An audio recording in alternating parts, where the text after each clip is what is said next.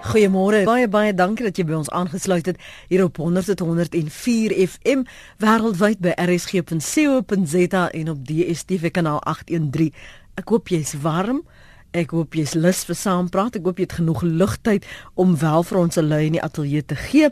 Die nuwe Franse president Emmanuel Macron het onderneem om hoop te skep in sy land. Macron op 39 jarige ouderdom het die jongste Franse leier sedert Louis Napoleon Bonaparte geword en die jongste president nog is gister inguldig. Hy sê sy doelwit is om die beleerde Europese Unie te help hervorm en hulle nuwe lewenskrag te gee en om 'n verdeelde Frankryk te verenig. Ons fokus is net uitluidend op hom. Ons praat oor die voor- en nadele van jong leiers en wat hulle in hierdie huidige politieke klimaat in die wêreld kan vermag al dan nie. So ek hoor graag van jou. Laat ek jou voorstel aan ons gaste vanoggend, professor Willie Esterhuise, skrywer, asook emeritus professor in ekskuus in filosofie en uh, besigheidsetiek aan die Universiteit van Stellenbosch. Professor Esterhuise, môre welkom. Ja, goeiemôre. Net môre. Altyd goed om jou stem hier te hoor, die wysheid in pag soos altyd. Maar is jou ou stem. hey Melanie verwoord. Ek weet nou nie of jy die jonger stem is, Melanie môre.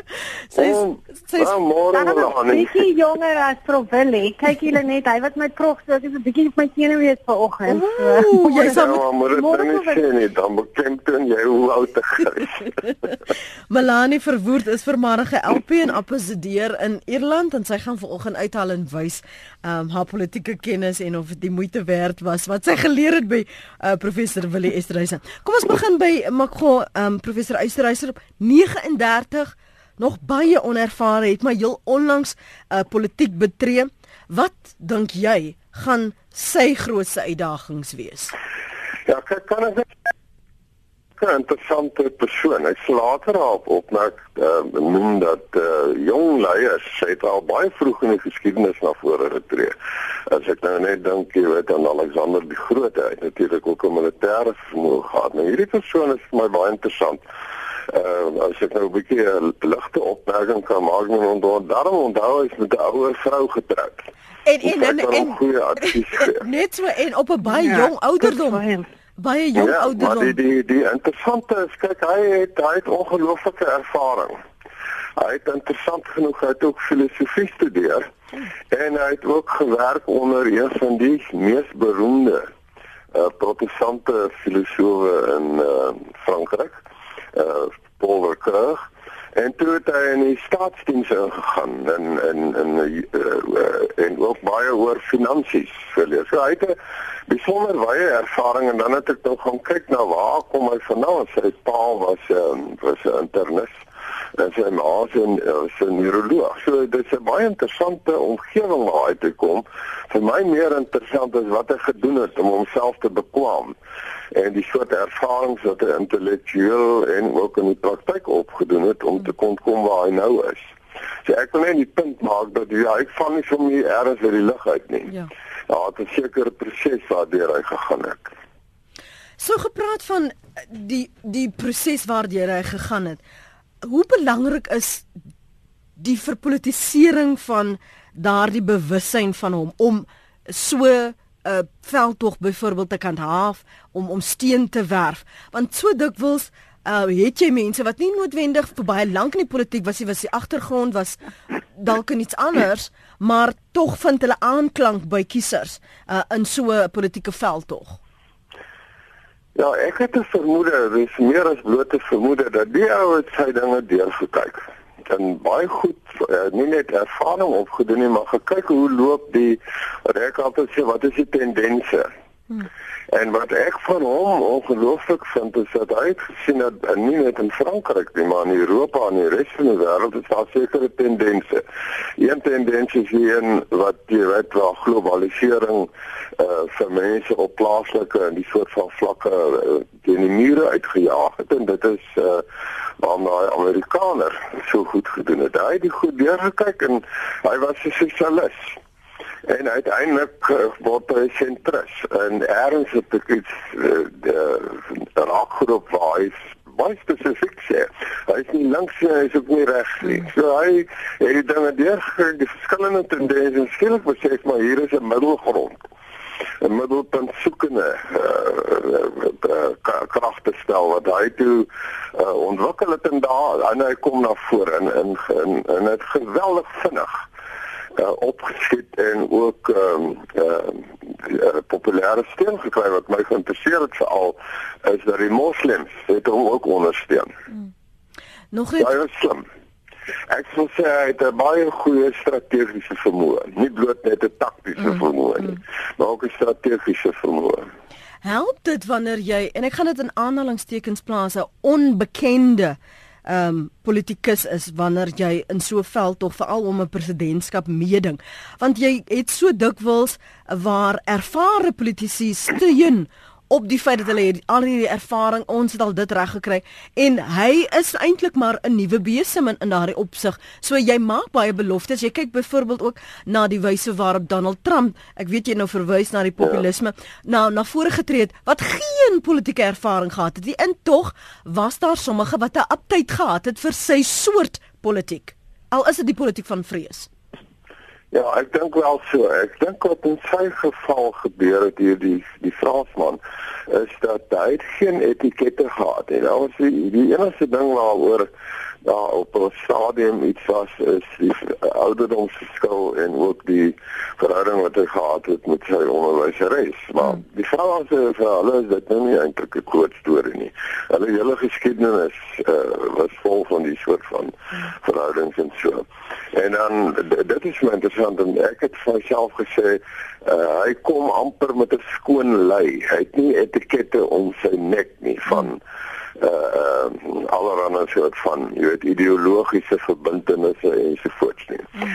En so hy kom as 'n nuwe persoon, maar die vir my eh, ek wil sê hy's 'n onervare persoon. Ek wil punt maak dat hy nie net intellektueel ervare is, maar hy weet hoe werk die stelsel, want hy binne in die sel gesit. gesit en hy het mm. seker goed gehelp om dit deur die uh, parlement en so voort te kry. So hy weet hoe werk die proses.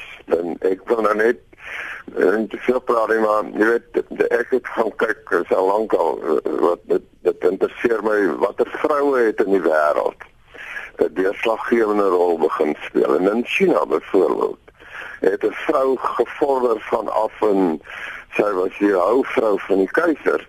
En sy het uiteindelik een van die magtigste uh, vroue geword in die keiserryk uh, as as as 'n soort van keiserin. En uh, die rede was sy het geweet hoe werk die stelsel. En sy het geweet hoe kan sy die stelsel hanteer en selfs manipuleer om seker sekere doelwitte uit te kom. En ek dink hierdie ou weet hoe werk die stelsel. Ek dink nie Trump weet hoe werk sy stelsel nie. Mm. Melanie, um, en dalk het jy ook jou eie gedagtes wat jy wil op um, wat jy wil deel, maar, maar jou aanpassing destyds, um, jy was ook redelik hmm. jonk. Wat was die moeilikste ja. aanpassings destyds? Ek was jonk. Ek is op daai stadium was ek die jongste vrou wat verkies is. Ek het 27 geword tydens die verkiesing. Ehm um, vandag is daar natuurlik jonger parlementslede, die jongste en op die oomblik wat nog ek dink nog ooit in die uh, Suid-Afrikaanse parlement was in die DA en Khumela qua sy 24. Ehm um, ek ek dink nie ek het op jy weet dit was die wonderlike ding van van die jeug dat 'n mens ek dink nie eintlik is jonk nie. Ehm um, jy weet dat ons arrogansie wat saam met die jeug kom. Ehm um, ek het nie ek weet ek was bewus daarvan dat ek jonk was, maar dit is dit was nie my ouderdom wat my so baie geplaas nie. Nie soveel in die parlement nie, maar ek dink dit het baie te doen gehad met die feit dat ons en ehm um, jy weet in daai transisie tydperk was waar daar so baie dinge het verander en alles was op in die lug en en so aan. Ek het dit wel gevoel toe ek ambassadeur geword het. Ek was 33 toe ek ambassadeur geword het en ek was seker omtrent gemiddeld 2 na 3 dekades jonger as enige van die ander ambassadeurs gewees. En daar het ek dit baie gevoel. Ek is baie dikwels in cocktailparties as ek vir my as ek myself voorgestel het as Suid-Afrika se ambassadeur het ek so uh hierige soort van kyk gekry en dan gewoonlik het hulle gesê jy lyk hopeloos te jonk om ambassadeur te wees. Mm. En ek het ek vinnig geleer om te sê ja, hulle die ou mans probeer en nie so goed gewerk het en nou gee hulle ons jonger vrouens maar 'n uh, maar 'n bietjie van 'n kans. Mm. Die ding is wat ek dink wat mense wel moet besef dat in ons samelewing maar ook in die wêreld, jy weet, leef ons nog steeds natuurlik in 'n patriargale stelsel en ons leef ook in 'n samelewing wat redelik ek weet nie wat die Afrikaanse woord daarvoor is nie ageist is. Dit waar ouderdom hmm. nogal tel. En daarom as jy 'n vrou en jonk is, dink ek is daar het jy addisionele soort van uitdagings wat jy om jouself te bewys. Ek het byvoorbeeld gaan kyk na die lys van die jongste leiers in die wêreld en daar's 'n klomp van hulle daar's oor die 35 wat oor die laaste ehm um, soort van van hierdie EU of so wat wat wel onder 30 president of eerste minister geword het, maar daar's net een vrou onder hulle. Jo. So ek dink as jy as jy 'n vrou is en ek dink ons sien dit ook in ons eie politieke hmm. stelsel, hmm. daar's heelwat jong mans wat leiers is. Dis moet my manie is 37, Malema is 37, Floyd Zimbabwe is, is 34. En die my boeke wat 'n jaar ouer as Musi. Maar almal het gesê sy is te jonk om leier te word. Ehm um, en ek dink dit het meer te doen gehad met die feit dat sy vrou en jonk was. Daar is natuurlik as jy 'n vrou is ook 'n addisionele probleme dat jy gewoonlik op daai stadium nog wel kinders hê of klein kindertjies het. En dit was seker vir my die moeilikste ding van alles gewees was om daai balans te kry dat jy aan die een kant word van jou verwag en jy verwag van jouself om net so goed en jy nog beter as die mans te wees nie met jou kollegas te wees, jou manlike kollegas, maar dan as jy in jou 20s, 30s is of selfs so 40s, jy het ook nog klein kindertjies. Mm. En dit maak natuurlik die lewe baie baie moeilik. Ons praat vanoggend oor die voor- en nadele van uh, jong leiers, veral in wêreldpolitiek ook en of hulle werklik waar die uitdagings van die politieke klimaat in die wêreld kan aanspreek. En ek wil graag jou gedagtes hoor. Professor Willie Esterhuise skrywer as ook emeritus professor in filosofie en besigheidsetiek aan die Universiteit van Stellenbosch. En Melanie Verwoerd is voormalige LP en ambassadeur in Ierland. Hulle gee hulle insigte oor die voor en nadele van jong leiers en ek hoor graag vanmôre ook van jou. Ek lees vinnig vir julle uh, wat ons luisteraars al reeds ingestuur het. Van die Kemp skryf: "Ons moet met dankbaarheid kennis neem dat in solidariteit en Afriforum en al hulle onderafdelings die leiers en voorvatters almal relatief jonk is." Fanie, hoeveel vroue is daar? Laat weet ons sommer dit ook. Um, en dan sê 'n uh, uh, Heidi van Palaborwa sy vra 'n nuwe besem vee tog altyd skoon. Net een vraag, dink julle nie ook dit kan werk in Suid-Afrika nie? En ek begin sommer by jou professor Esterhuise, want dit was die een kritiek wat die heeltyd nou na met ehm um, die die leierskapstryd met uh, in in die binne die ANC liewer dat dit na vore kom en beklemtoon word dat almal wat ter sprake kom nie jong bokkies is nie want ons binne die ANC lyk dit vir my en binne Suid-Afrika benewens nou met uitsondering van die EFF en die DA neig ons almal na ouer leiers ons kyk na ehm um, uh, Mangosuthu Buthelezi byvoorbeeld ons kyk na Masoa Lekota Bantole Misa selfs Pieter Groenewald ook Dit moet ek antwoord. Asseblief begin jy met die antwoord. nee. Ja, dat is punt maar. Ek dink as jy gaan kyk na die uh, huidige sake sektor, het die verandering reeds plaasgevind. Daar is jong mense wat na vore gekom het, oor, oor en ook vroue. Ongelooflik. En en en en ek dink een van die redes is waarom dit so vinnig binne die of so uh, wat ek nou sien vinnig nie maar oor sê so in die sake sektor so 'n uh, duidelike tendens is is die feit dat jy lewe in 'n wêreld waar jy a vinnige besluite moet neem jy kan nie lank sit te broei op 'n probleem nie van en die inligtingrevolusie en jy moet dit jy moet inligting vinnig en en deeglik kan verwerk en dan moet jy besluite neem in terme van die inligting wat jy so vinnig gekry het. Nou ongelukkig politieke stelsels is ehm um, uh, my persoonlike ervaring moet ek baie versigtig wees wat ek sê is dat dit is 'n slakke pas. Dit vat lank. Dit is 'n stelsel wat werk met uh, nie seker net met inligting nie, maar natuurlik ook belange. Ek sê altyd interesses, gevestigde belange wat jy nie moet versteur nie.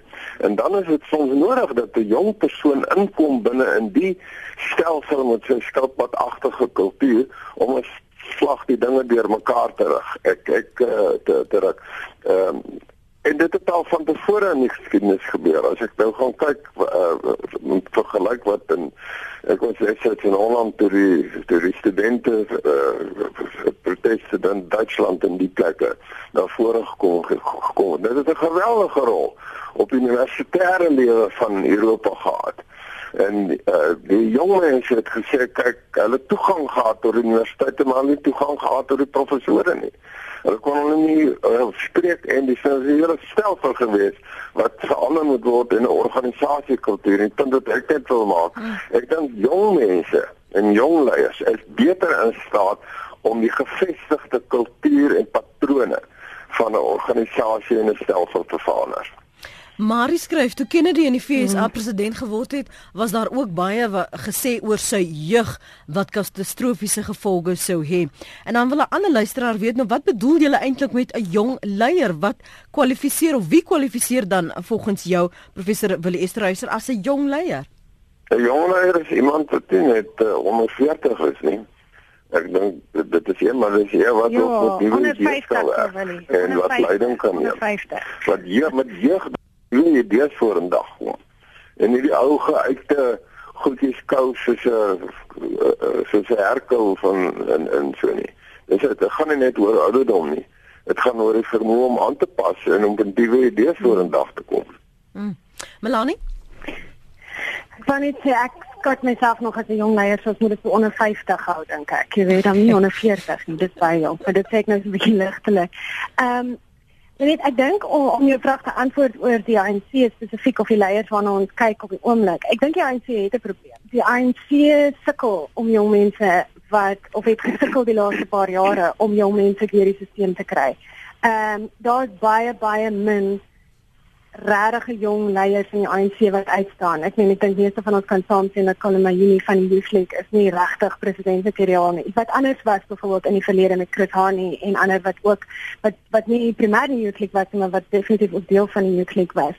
En as jy kyk na enige van die kandidaate wat nou soort van genoem word of wat hulle hulle self bereid gestel het vir die ANC se leierskap. Jy weet, Cyril Ramaphosa is almal jonger, heel wat jonger as president Zuma, maar Cyril Ramaphosa 64, Nkosazana is 68, Louis Sisulu 63, Matthew Fosa 64. So aansienlik ouer as die leiers van die oppositiepartye. Dis nie noodwendig sagte ding nie. Ek meen, ek dink ook mens moet ek sê 100% met Prof. Lisa, maar ek dink terselfdertyd het 'n mens ook 'n koel kop nodig in die president mense het 'n wyse kop nodig. Mense het ook historiese herinneringe nodig want ek ek vind baie keer nou en dit laat my baie oud voel as ek nou met mense praat in die politiek en so aan en jy praat oor goed wat gebeur het, wetgewing, ehm um, prosesse ensovoorts wat dalk net na 94 gebeur het dan kry jy sulke blank looks dat mense nie 'n klou het van wat aangaan nie en dan baie keer maak mense foute omdat hulle uh, vergeet het van wat in die verlede gebeur het.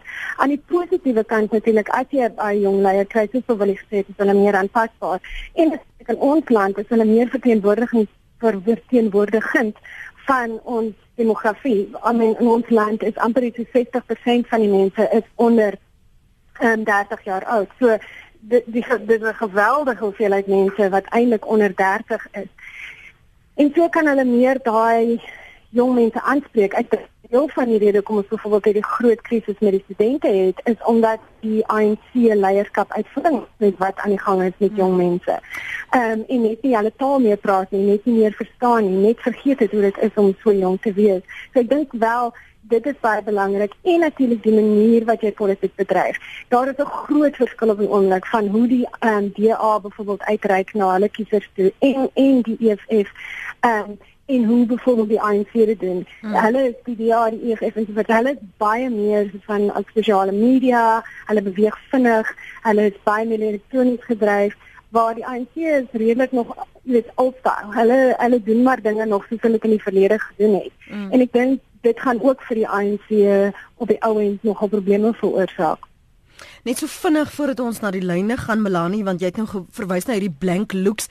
Dink jy die hmm. jong leiers van wat ons vandag in uh, die openbare oog sien kan aanklank vind by gesprekke 25 jaar in ehm um, na na ons daardie gesprekke gehad het by Kodesa is daar raakpunte of soos Julius Malema baie dikwels 'n uitsprake gemaak het is is is dit so verwyderd van wat ons nou het dat dit, dit vinniger moes gebeur het.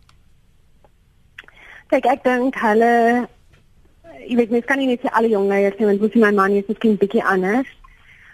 Maar Julius Malema, Floyd Wambo en daai groep mense en natuurlik 'n groot groot groep van jong African mense in besigheid, maar ook in die politiek of in in die semi-politieke arena. Ehm um, is uh, spreekwyse by oomblik van wat baie jong mense, um, veral middelklas en um, meer opgevoede um, of meer formele onderrig um, jong mense in ons land het. Dit is die gevoel wat hulle het. So ek dink hulle hulle is spreekwyse daarvoor. Daar is natuurlik ook redelik populistiese ehm um, neigings daar. Mm. So hulle probeer ook natuurlik mense opstook en mense baie keer vra watter wat kom van watter kant af. Mm. Ehm um, maar en en dit bekommer my wel. Ek is baie bekommerd oor die narratief wat aan die gang is op die oomblik vir as ek in die parlement sit en ek hoor wat mense sê die manier hoe hulle rassetaal gebruik. Ehm um, en en dit is duidelik vir my dat daar in daai groep mense 'n geweldige groot skuif gekom het wat baie ver weg is van waar ons was ehm um, tydens Madiba Thabo Mbeki se tyd en sekerlik tydens Kodesa en so aan. En ek ek in in hulle gevalle is daar definitief nie 'n neiging of enige wense om weer 'n tipe Kodesa tipe ehm um, uh jy weet situasie te skep nie. Ehm um, dis baie meer radikaal, baie meer ons moet oorneem, daar moet groot skuwe gemaak word. En deel dele daarvan is natuurlik korrek, maar maar dit is ook kommerwekkend in hoe mate dit die land baie onstabiel gaan maak. Fanny Kemp het teruggeantwoord. Dankie vir jou uh, SMS opvolg SMS Fanny. Fanny sê daar is as jy net gaan kyk na die webwerwe is daar uh, vele gesigte van pragtige jong vroue. Peer is op die lyn. Dankie vir die aanhou Peer. Goeiemôre. Goeiemôre Lenet.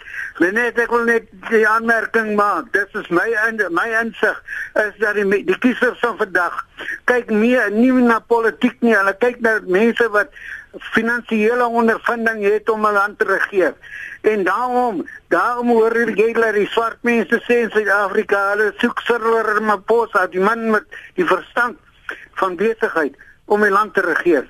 Goed. Dankie Pier. Kom ek hoor of uh, professor Willie Esterhuizen dit deel daardie opinie van jou? Is dit wat mense soek? 'n uh, eh, uh, eh, Stabiliteit. Ja, ek dink nie helemaal so nie, want 'n land kan nie net deur middel van finansiële ouens geregeer word en daar is ook uh, waardestelsels, daar's ideologiese kwessies daar's morele kwessies so dit is uh, jy soek 'n groter selfsuidigheid as bloot net finansiële insig en vermoë natuurlik moet jy verstaan uh, hoe, hoe werk die ekonomiese stelsel en so en ek wil net 'n punt maak uh, na aanleiding van wat Melanie gesê het. Ek dink uit die bietjie ervaring wat ek nou gehad het van die nasionale party en later ook die ANC en so mhm. vir baie mense het die politiek ook 'n beroep geword dit dit is 'n plek waar hulle salaris kon kry 'n redelike goeie salaris. Mm. In die ouer tye was dit nie 'n goeie salaris nie. So jy kon meer verdien in die private sektor en op ander plekke. So jy het nie altyd die soort mense getrek na die politieke stelsel soos wat jy se mense gehoop het om te kon doen. En ek dink dat dit nou verander.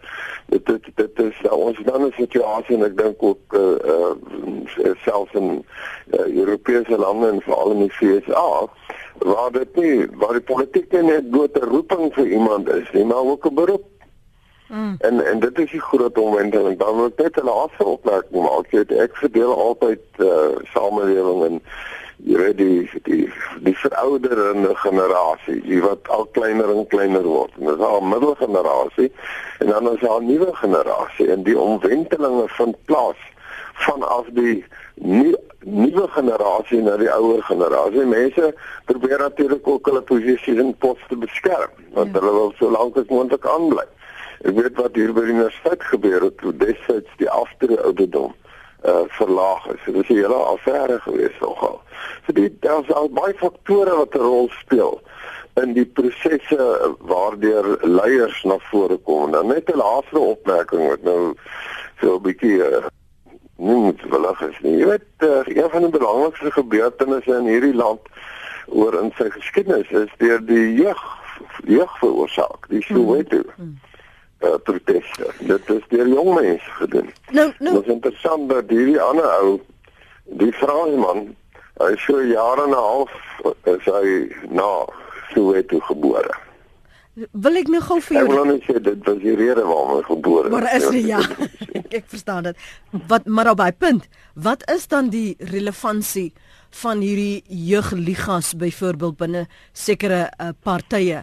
Die daar soos die Absoluut noodsaaklik. Absoluut noodsaaklik. Ons het uh, in my jonger jare het ons daarvan gebruik het ons van daardie soort van organisasies daar verwys as die vangkanale. Die plekke, dit is nie 'n goeie woord nie. Uh en ek sou later verduidelik waarom die woord gebruik word. Dit was dit, dit was 'n plek waar jong mense blootstelling gekry het en ook kon nie net aan debat nie, maar ook aan 'n soort van het uh, uh, magspele wat afspeel in enige instelling of dit nou 'n saaklike instelling is of 'n party of selfs 'n parlement.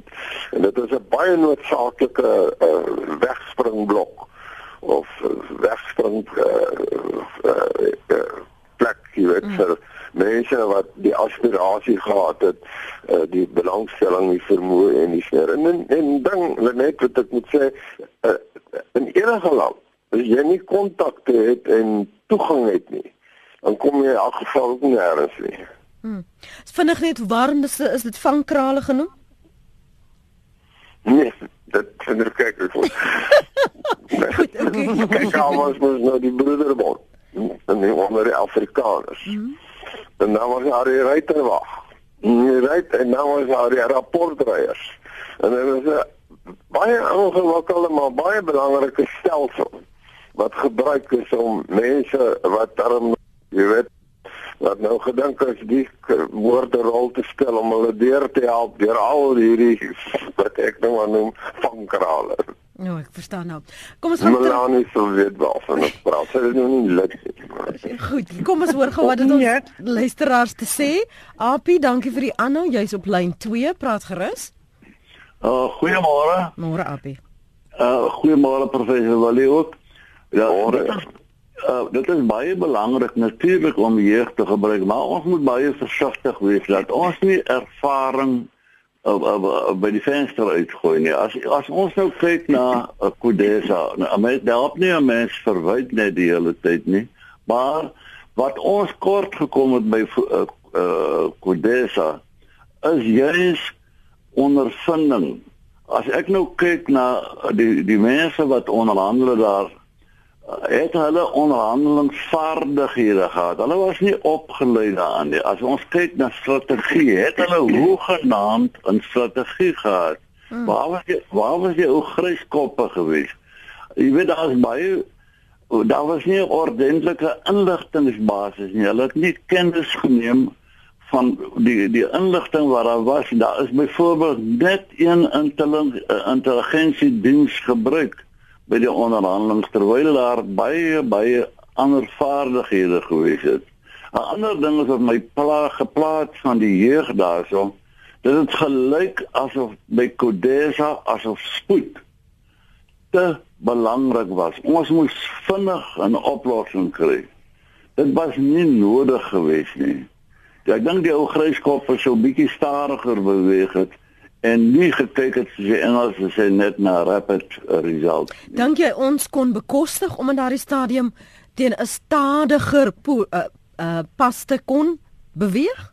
Hoekom kon ons ons het in elk geval stadiger beweeg? Hoekom het ons nie ons kon nog maklike jaar ons het nie ons magsbasis, die belangrikste magsbasis daardie tyd was die veiligheidsmagte nie om te skiet nie, maar om as 'n magsbasis te gebruik.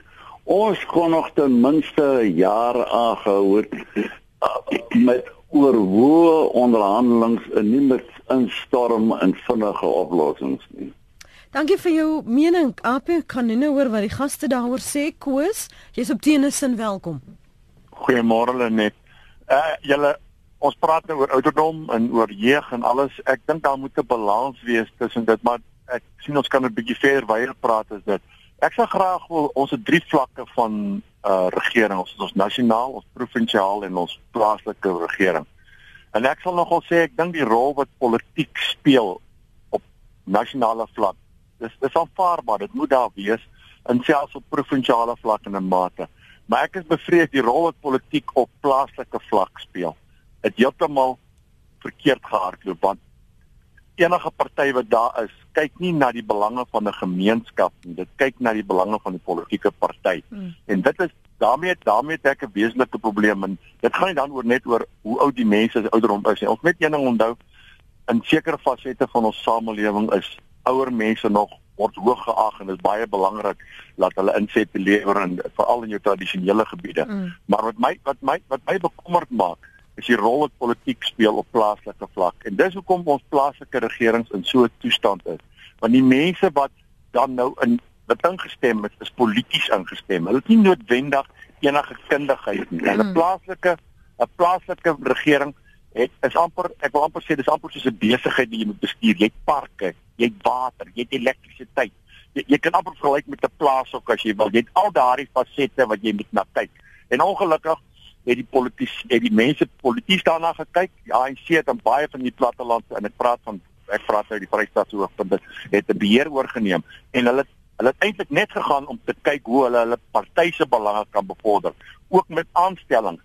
As mens kan nie mense gaan aanstel omdat hy aan jou politieke party behoort. Jy stel mense aan omdat hy 'n sekere kundigheid kan inbring en 'n plek kan bestuur, want dit is wat 'n plaaslike gemeenskap sê, moet kan bestuur word soos wat jy enige besigheid het. So dit dit dit pla my bietjie. Dan maak dan gaan nie maak saak maak of dit jeug is of dit ouderdomme mense is. Dit ek dink net politiek hoort nie op plaaslike regeringsvlak nie. Dis my eerlike absolute eerlike opinie. Daar moet 'n ander stelsel gekry word. Ek sou graag wil wat sê wil hê daar is om dit as dankie. Goed dan, Willie. Ja nee, ek sien saam. Ek het uh, kan ek net dit uh, bevestig. Ek het dit doen kursus gedoen nie so.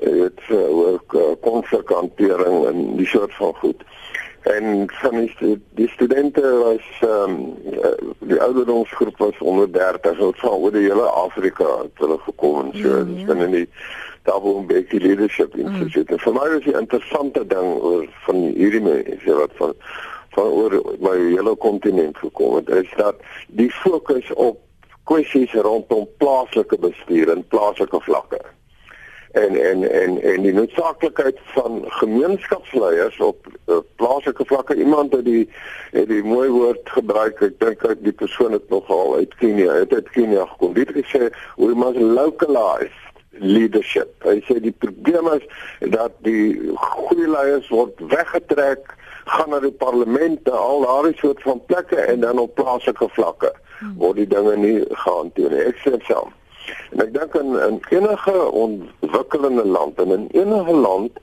waar jy soek na 'n vorm van volhoubare ontwikkeling en volhoubare vrede, dis jy mense op plaaslike vlakke of in Kalicha of stelling ons maak al is absoluut die, die soort van deurslaggewende figure. Hulle is kry nie no, die nodige publisiteit natuurlik nie en so nie.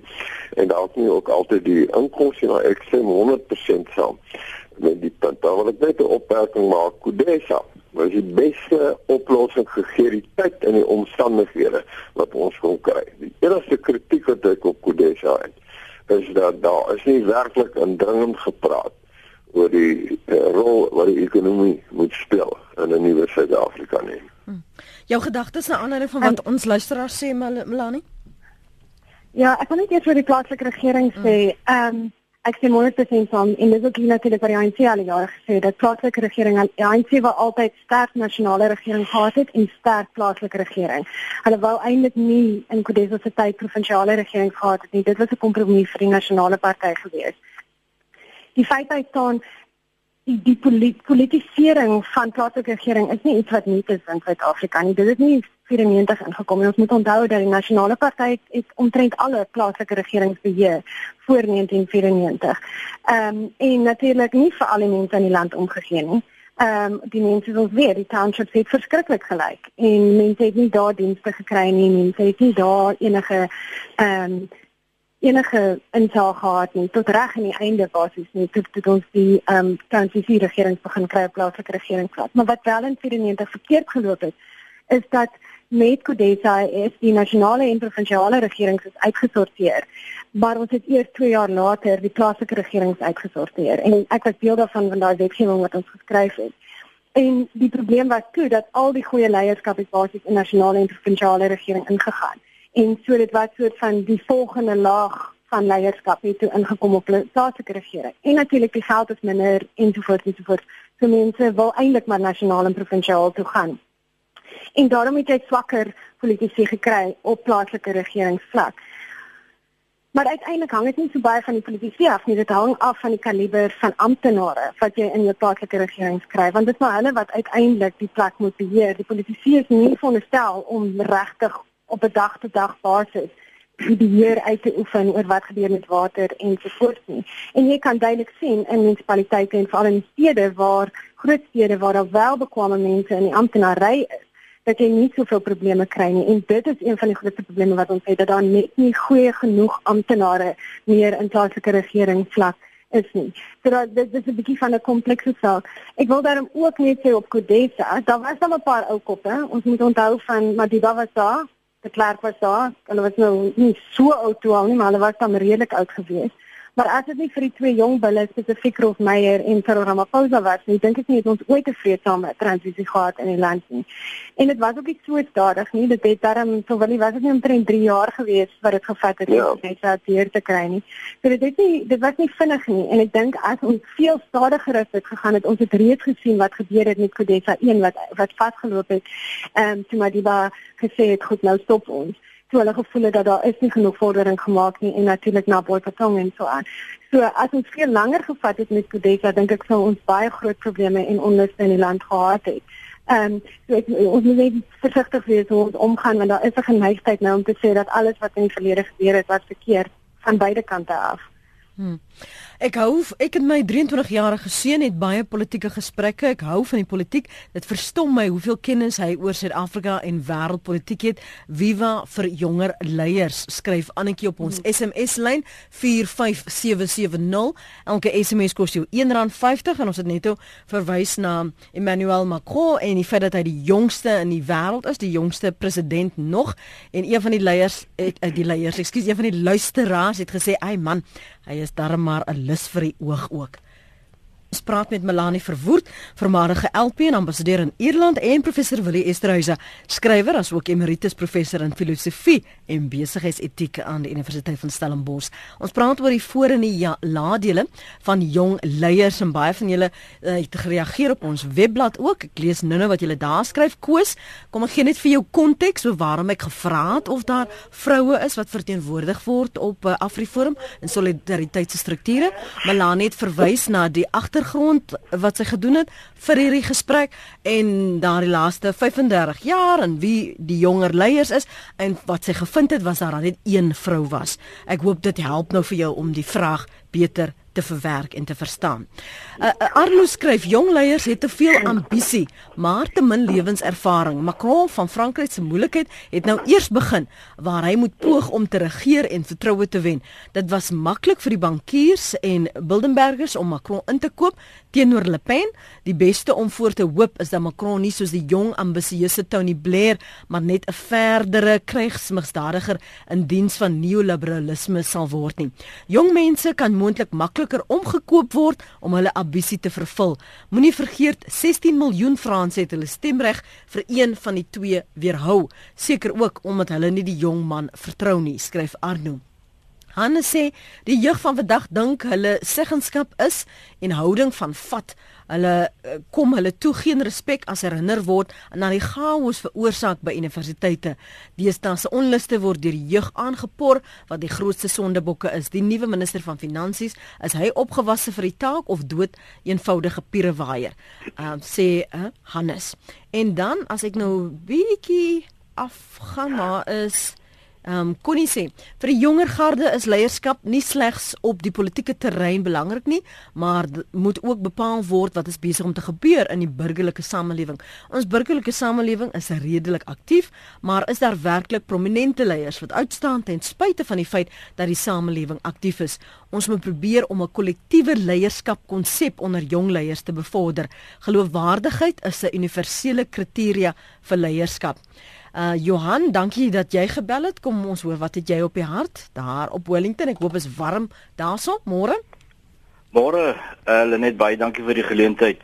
Uh net 'n dingetjie, ek is 'n uh, oud raadslid, baie betrokke gewees ensovoorts. Ek wil net vir julle sê ek is 'n absolute voorstander daarvoor dat ons weer moet kom by die punt wat ons 'n professionele administrasie het. Hmm. Die ding van uh senior personeel, die sogenaamde artikel 56 aanstellings wat net vir 5 jaar geld, is 'n onding. Ons kweek nie meer kontinuïteit nie. Uh ons kweek nie meer die geleentheid vir jong mense om toe te tree hmm. tot munisipale omgewing nie. Ons het 'n kritieke behoefte aan professionele mense nie om in die ingenieursomgewing binne die munisipaliteit. Daar's geen manier wat ons hulle kan aantrek nie, want ons gee vir die manne 5 jaar aanstelling en geen mens kan 'n toekoms daar opbou nie. Dis die eerste ding. Die tweede ding is rondom die jonger mense, 'n baie goeie en ek kan dit sommer sê ek is ek is lid van die DA, maar 'n baie goeie uh vriend vir my wat 'n uh, jarelange raadslid was in Limpopo uh ernstig betrokke daar gewees. Hy het verlede week nog vir my gesê in Pretoria. Um your party is doing that exactly the same what my party is doing. Every 5 year we wipe all the expertise off the table, we start fresh and, we, and then we think we're going forward. Dit is my bydrae en ek wil graag hê ons moet ernstig na hierdie goed kyk. Baie dankie. Mm, baie dankie Melanie. Ek ek het jou hoor ehm um, uh, reageer.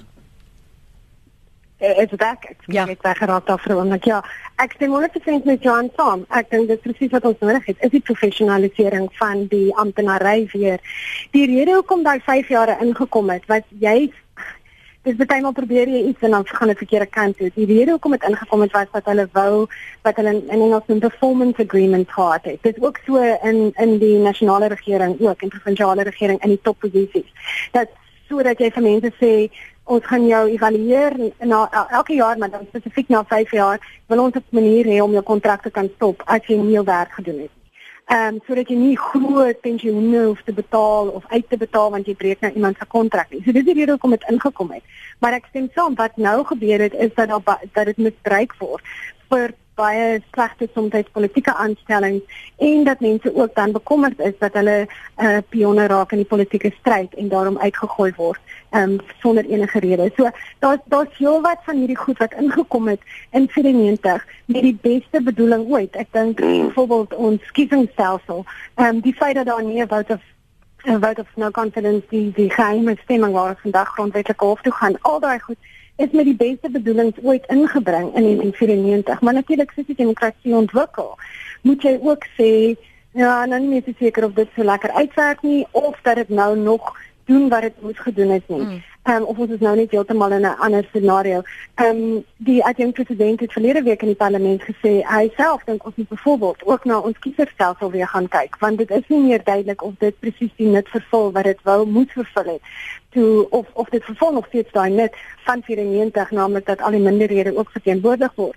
Maar ons besef nou dat daar ander probleme saam met dit kom en miskien is dit dan tyd dat ons weer moet gaan kyk na onder andere wat van selfstawers gesê het, hoe hy daarna gaan kyk het of ons nie dit bietjie moet verander dat dit nader is aan byvoorbeeld die stelsel wat op plaaslike regeringsvlak is nie. Maar ek dink definitief die die professionalisering van die amptenary en en dit geld oral, soos nasionaal en provinsiaal, dit is net baie meer krities plaaslike regering op die oomblik.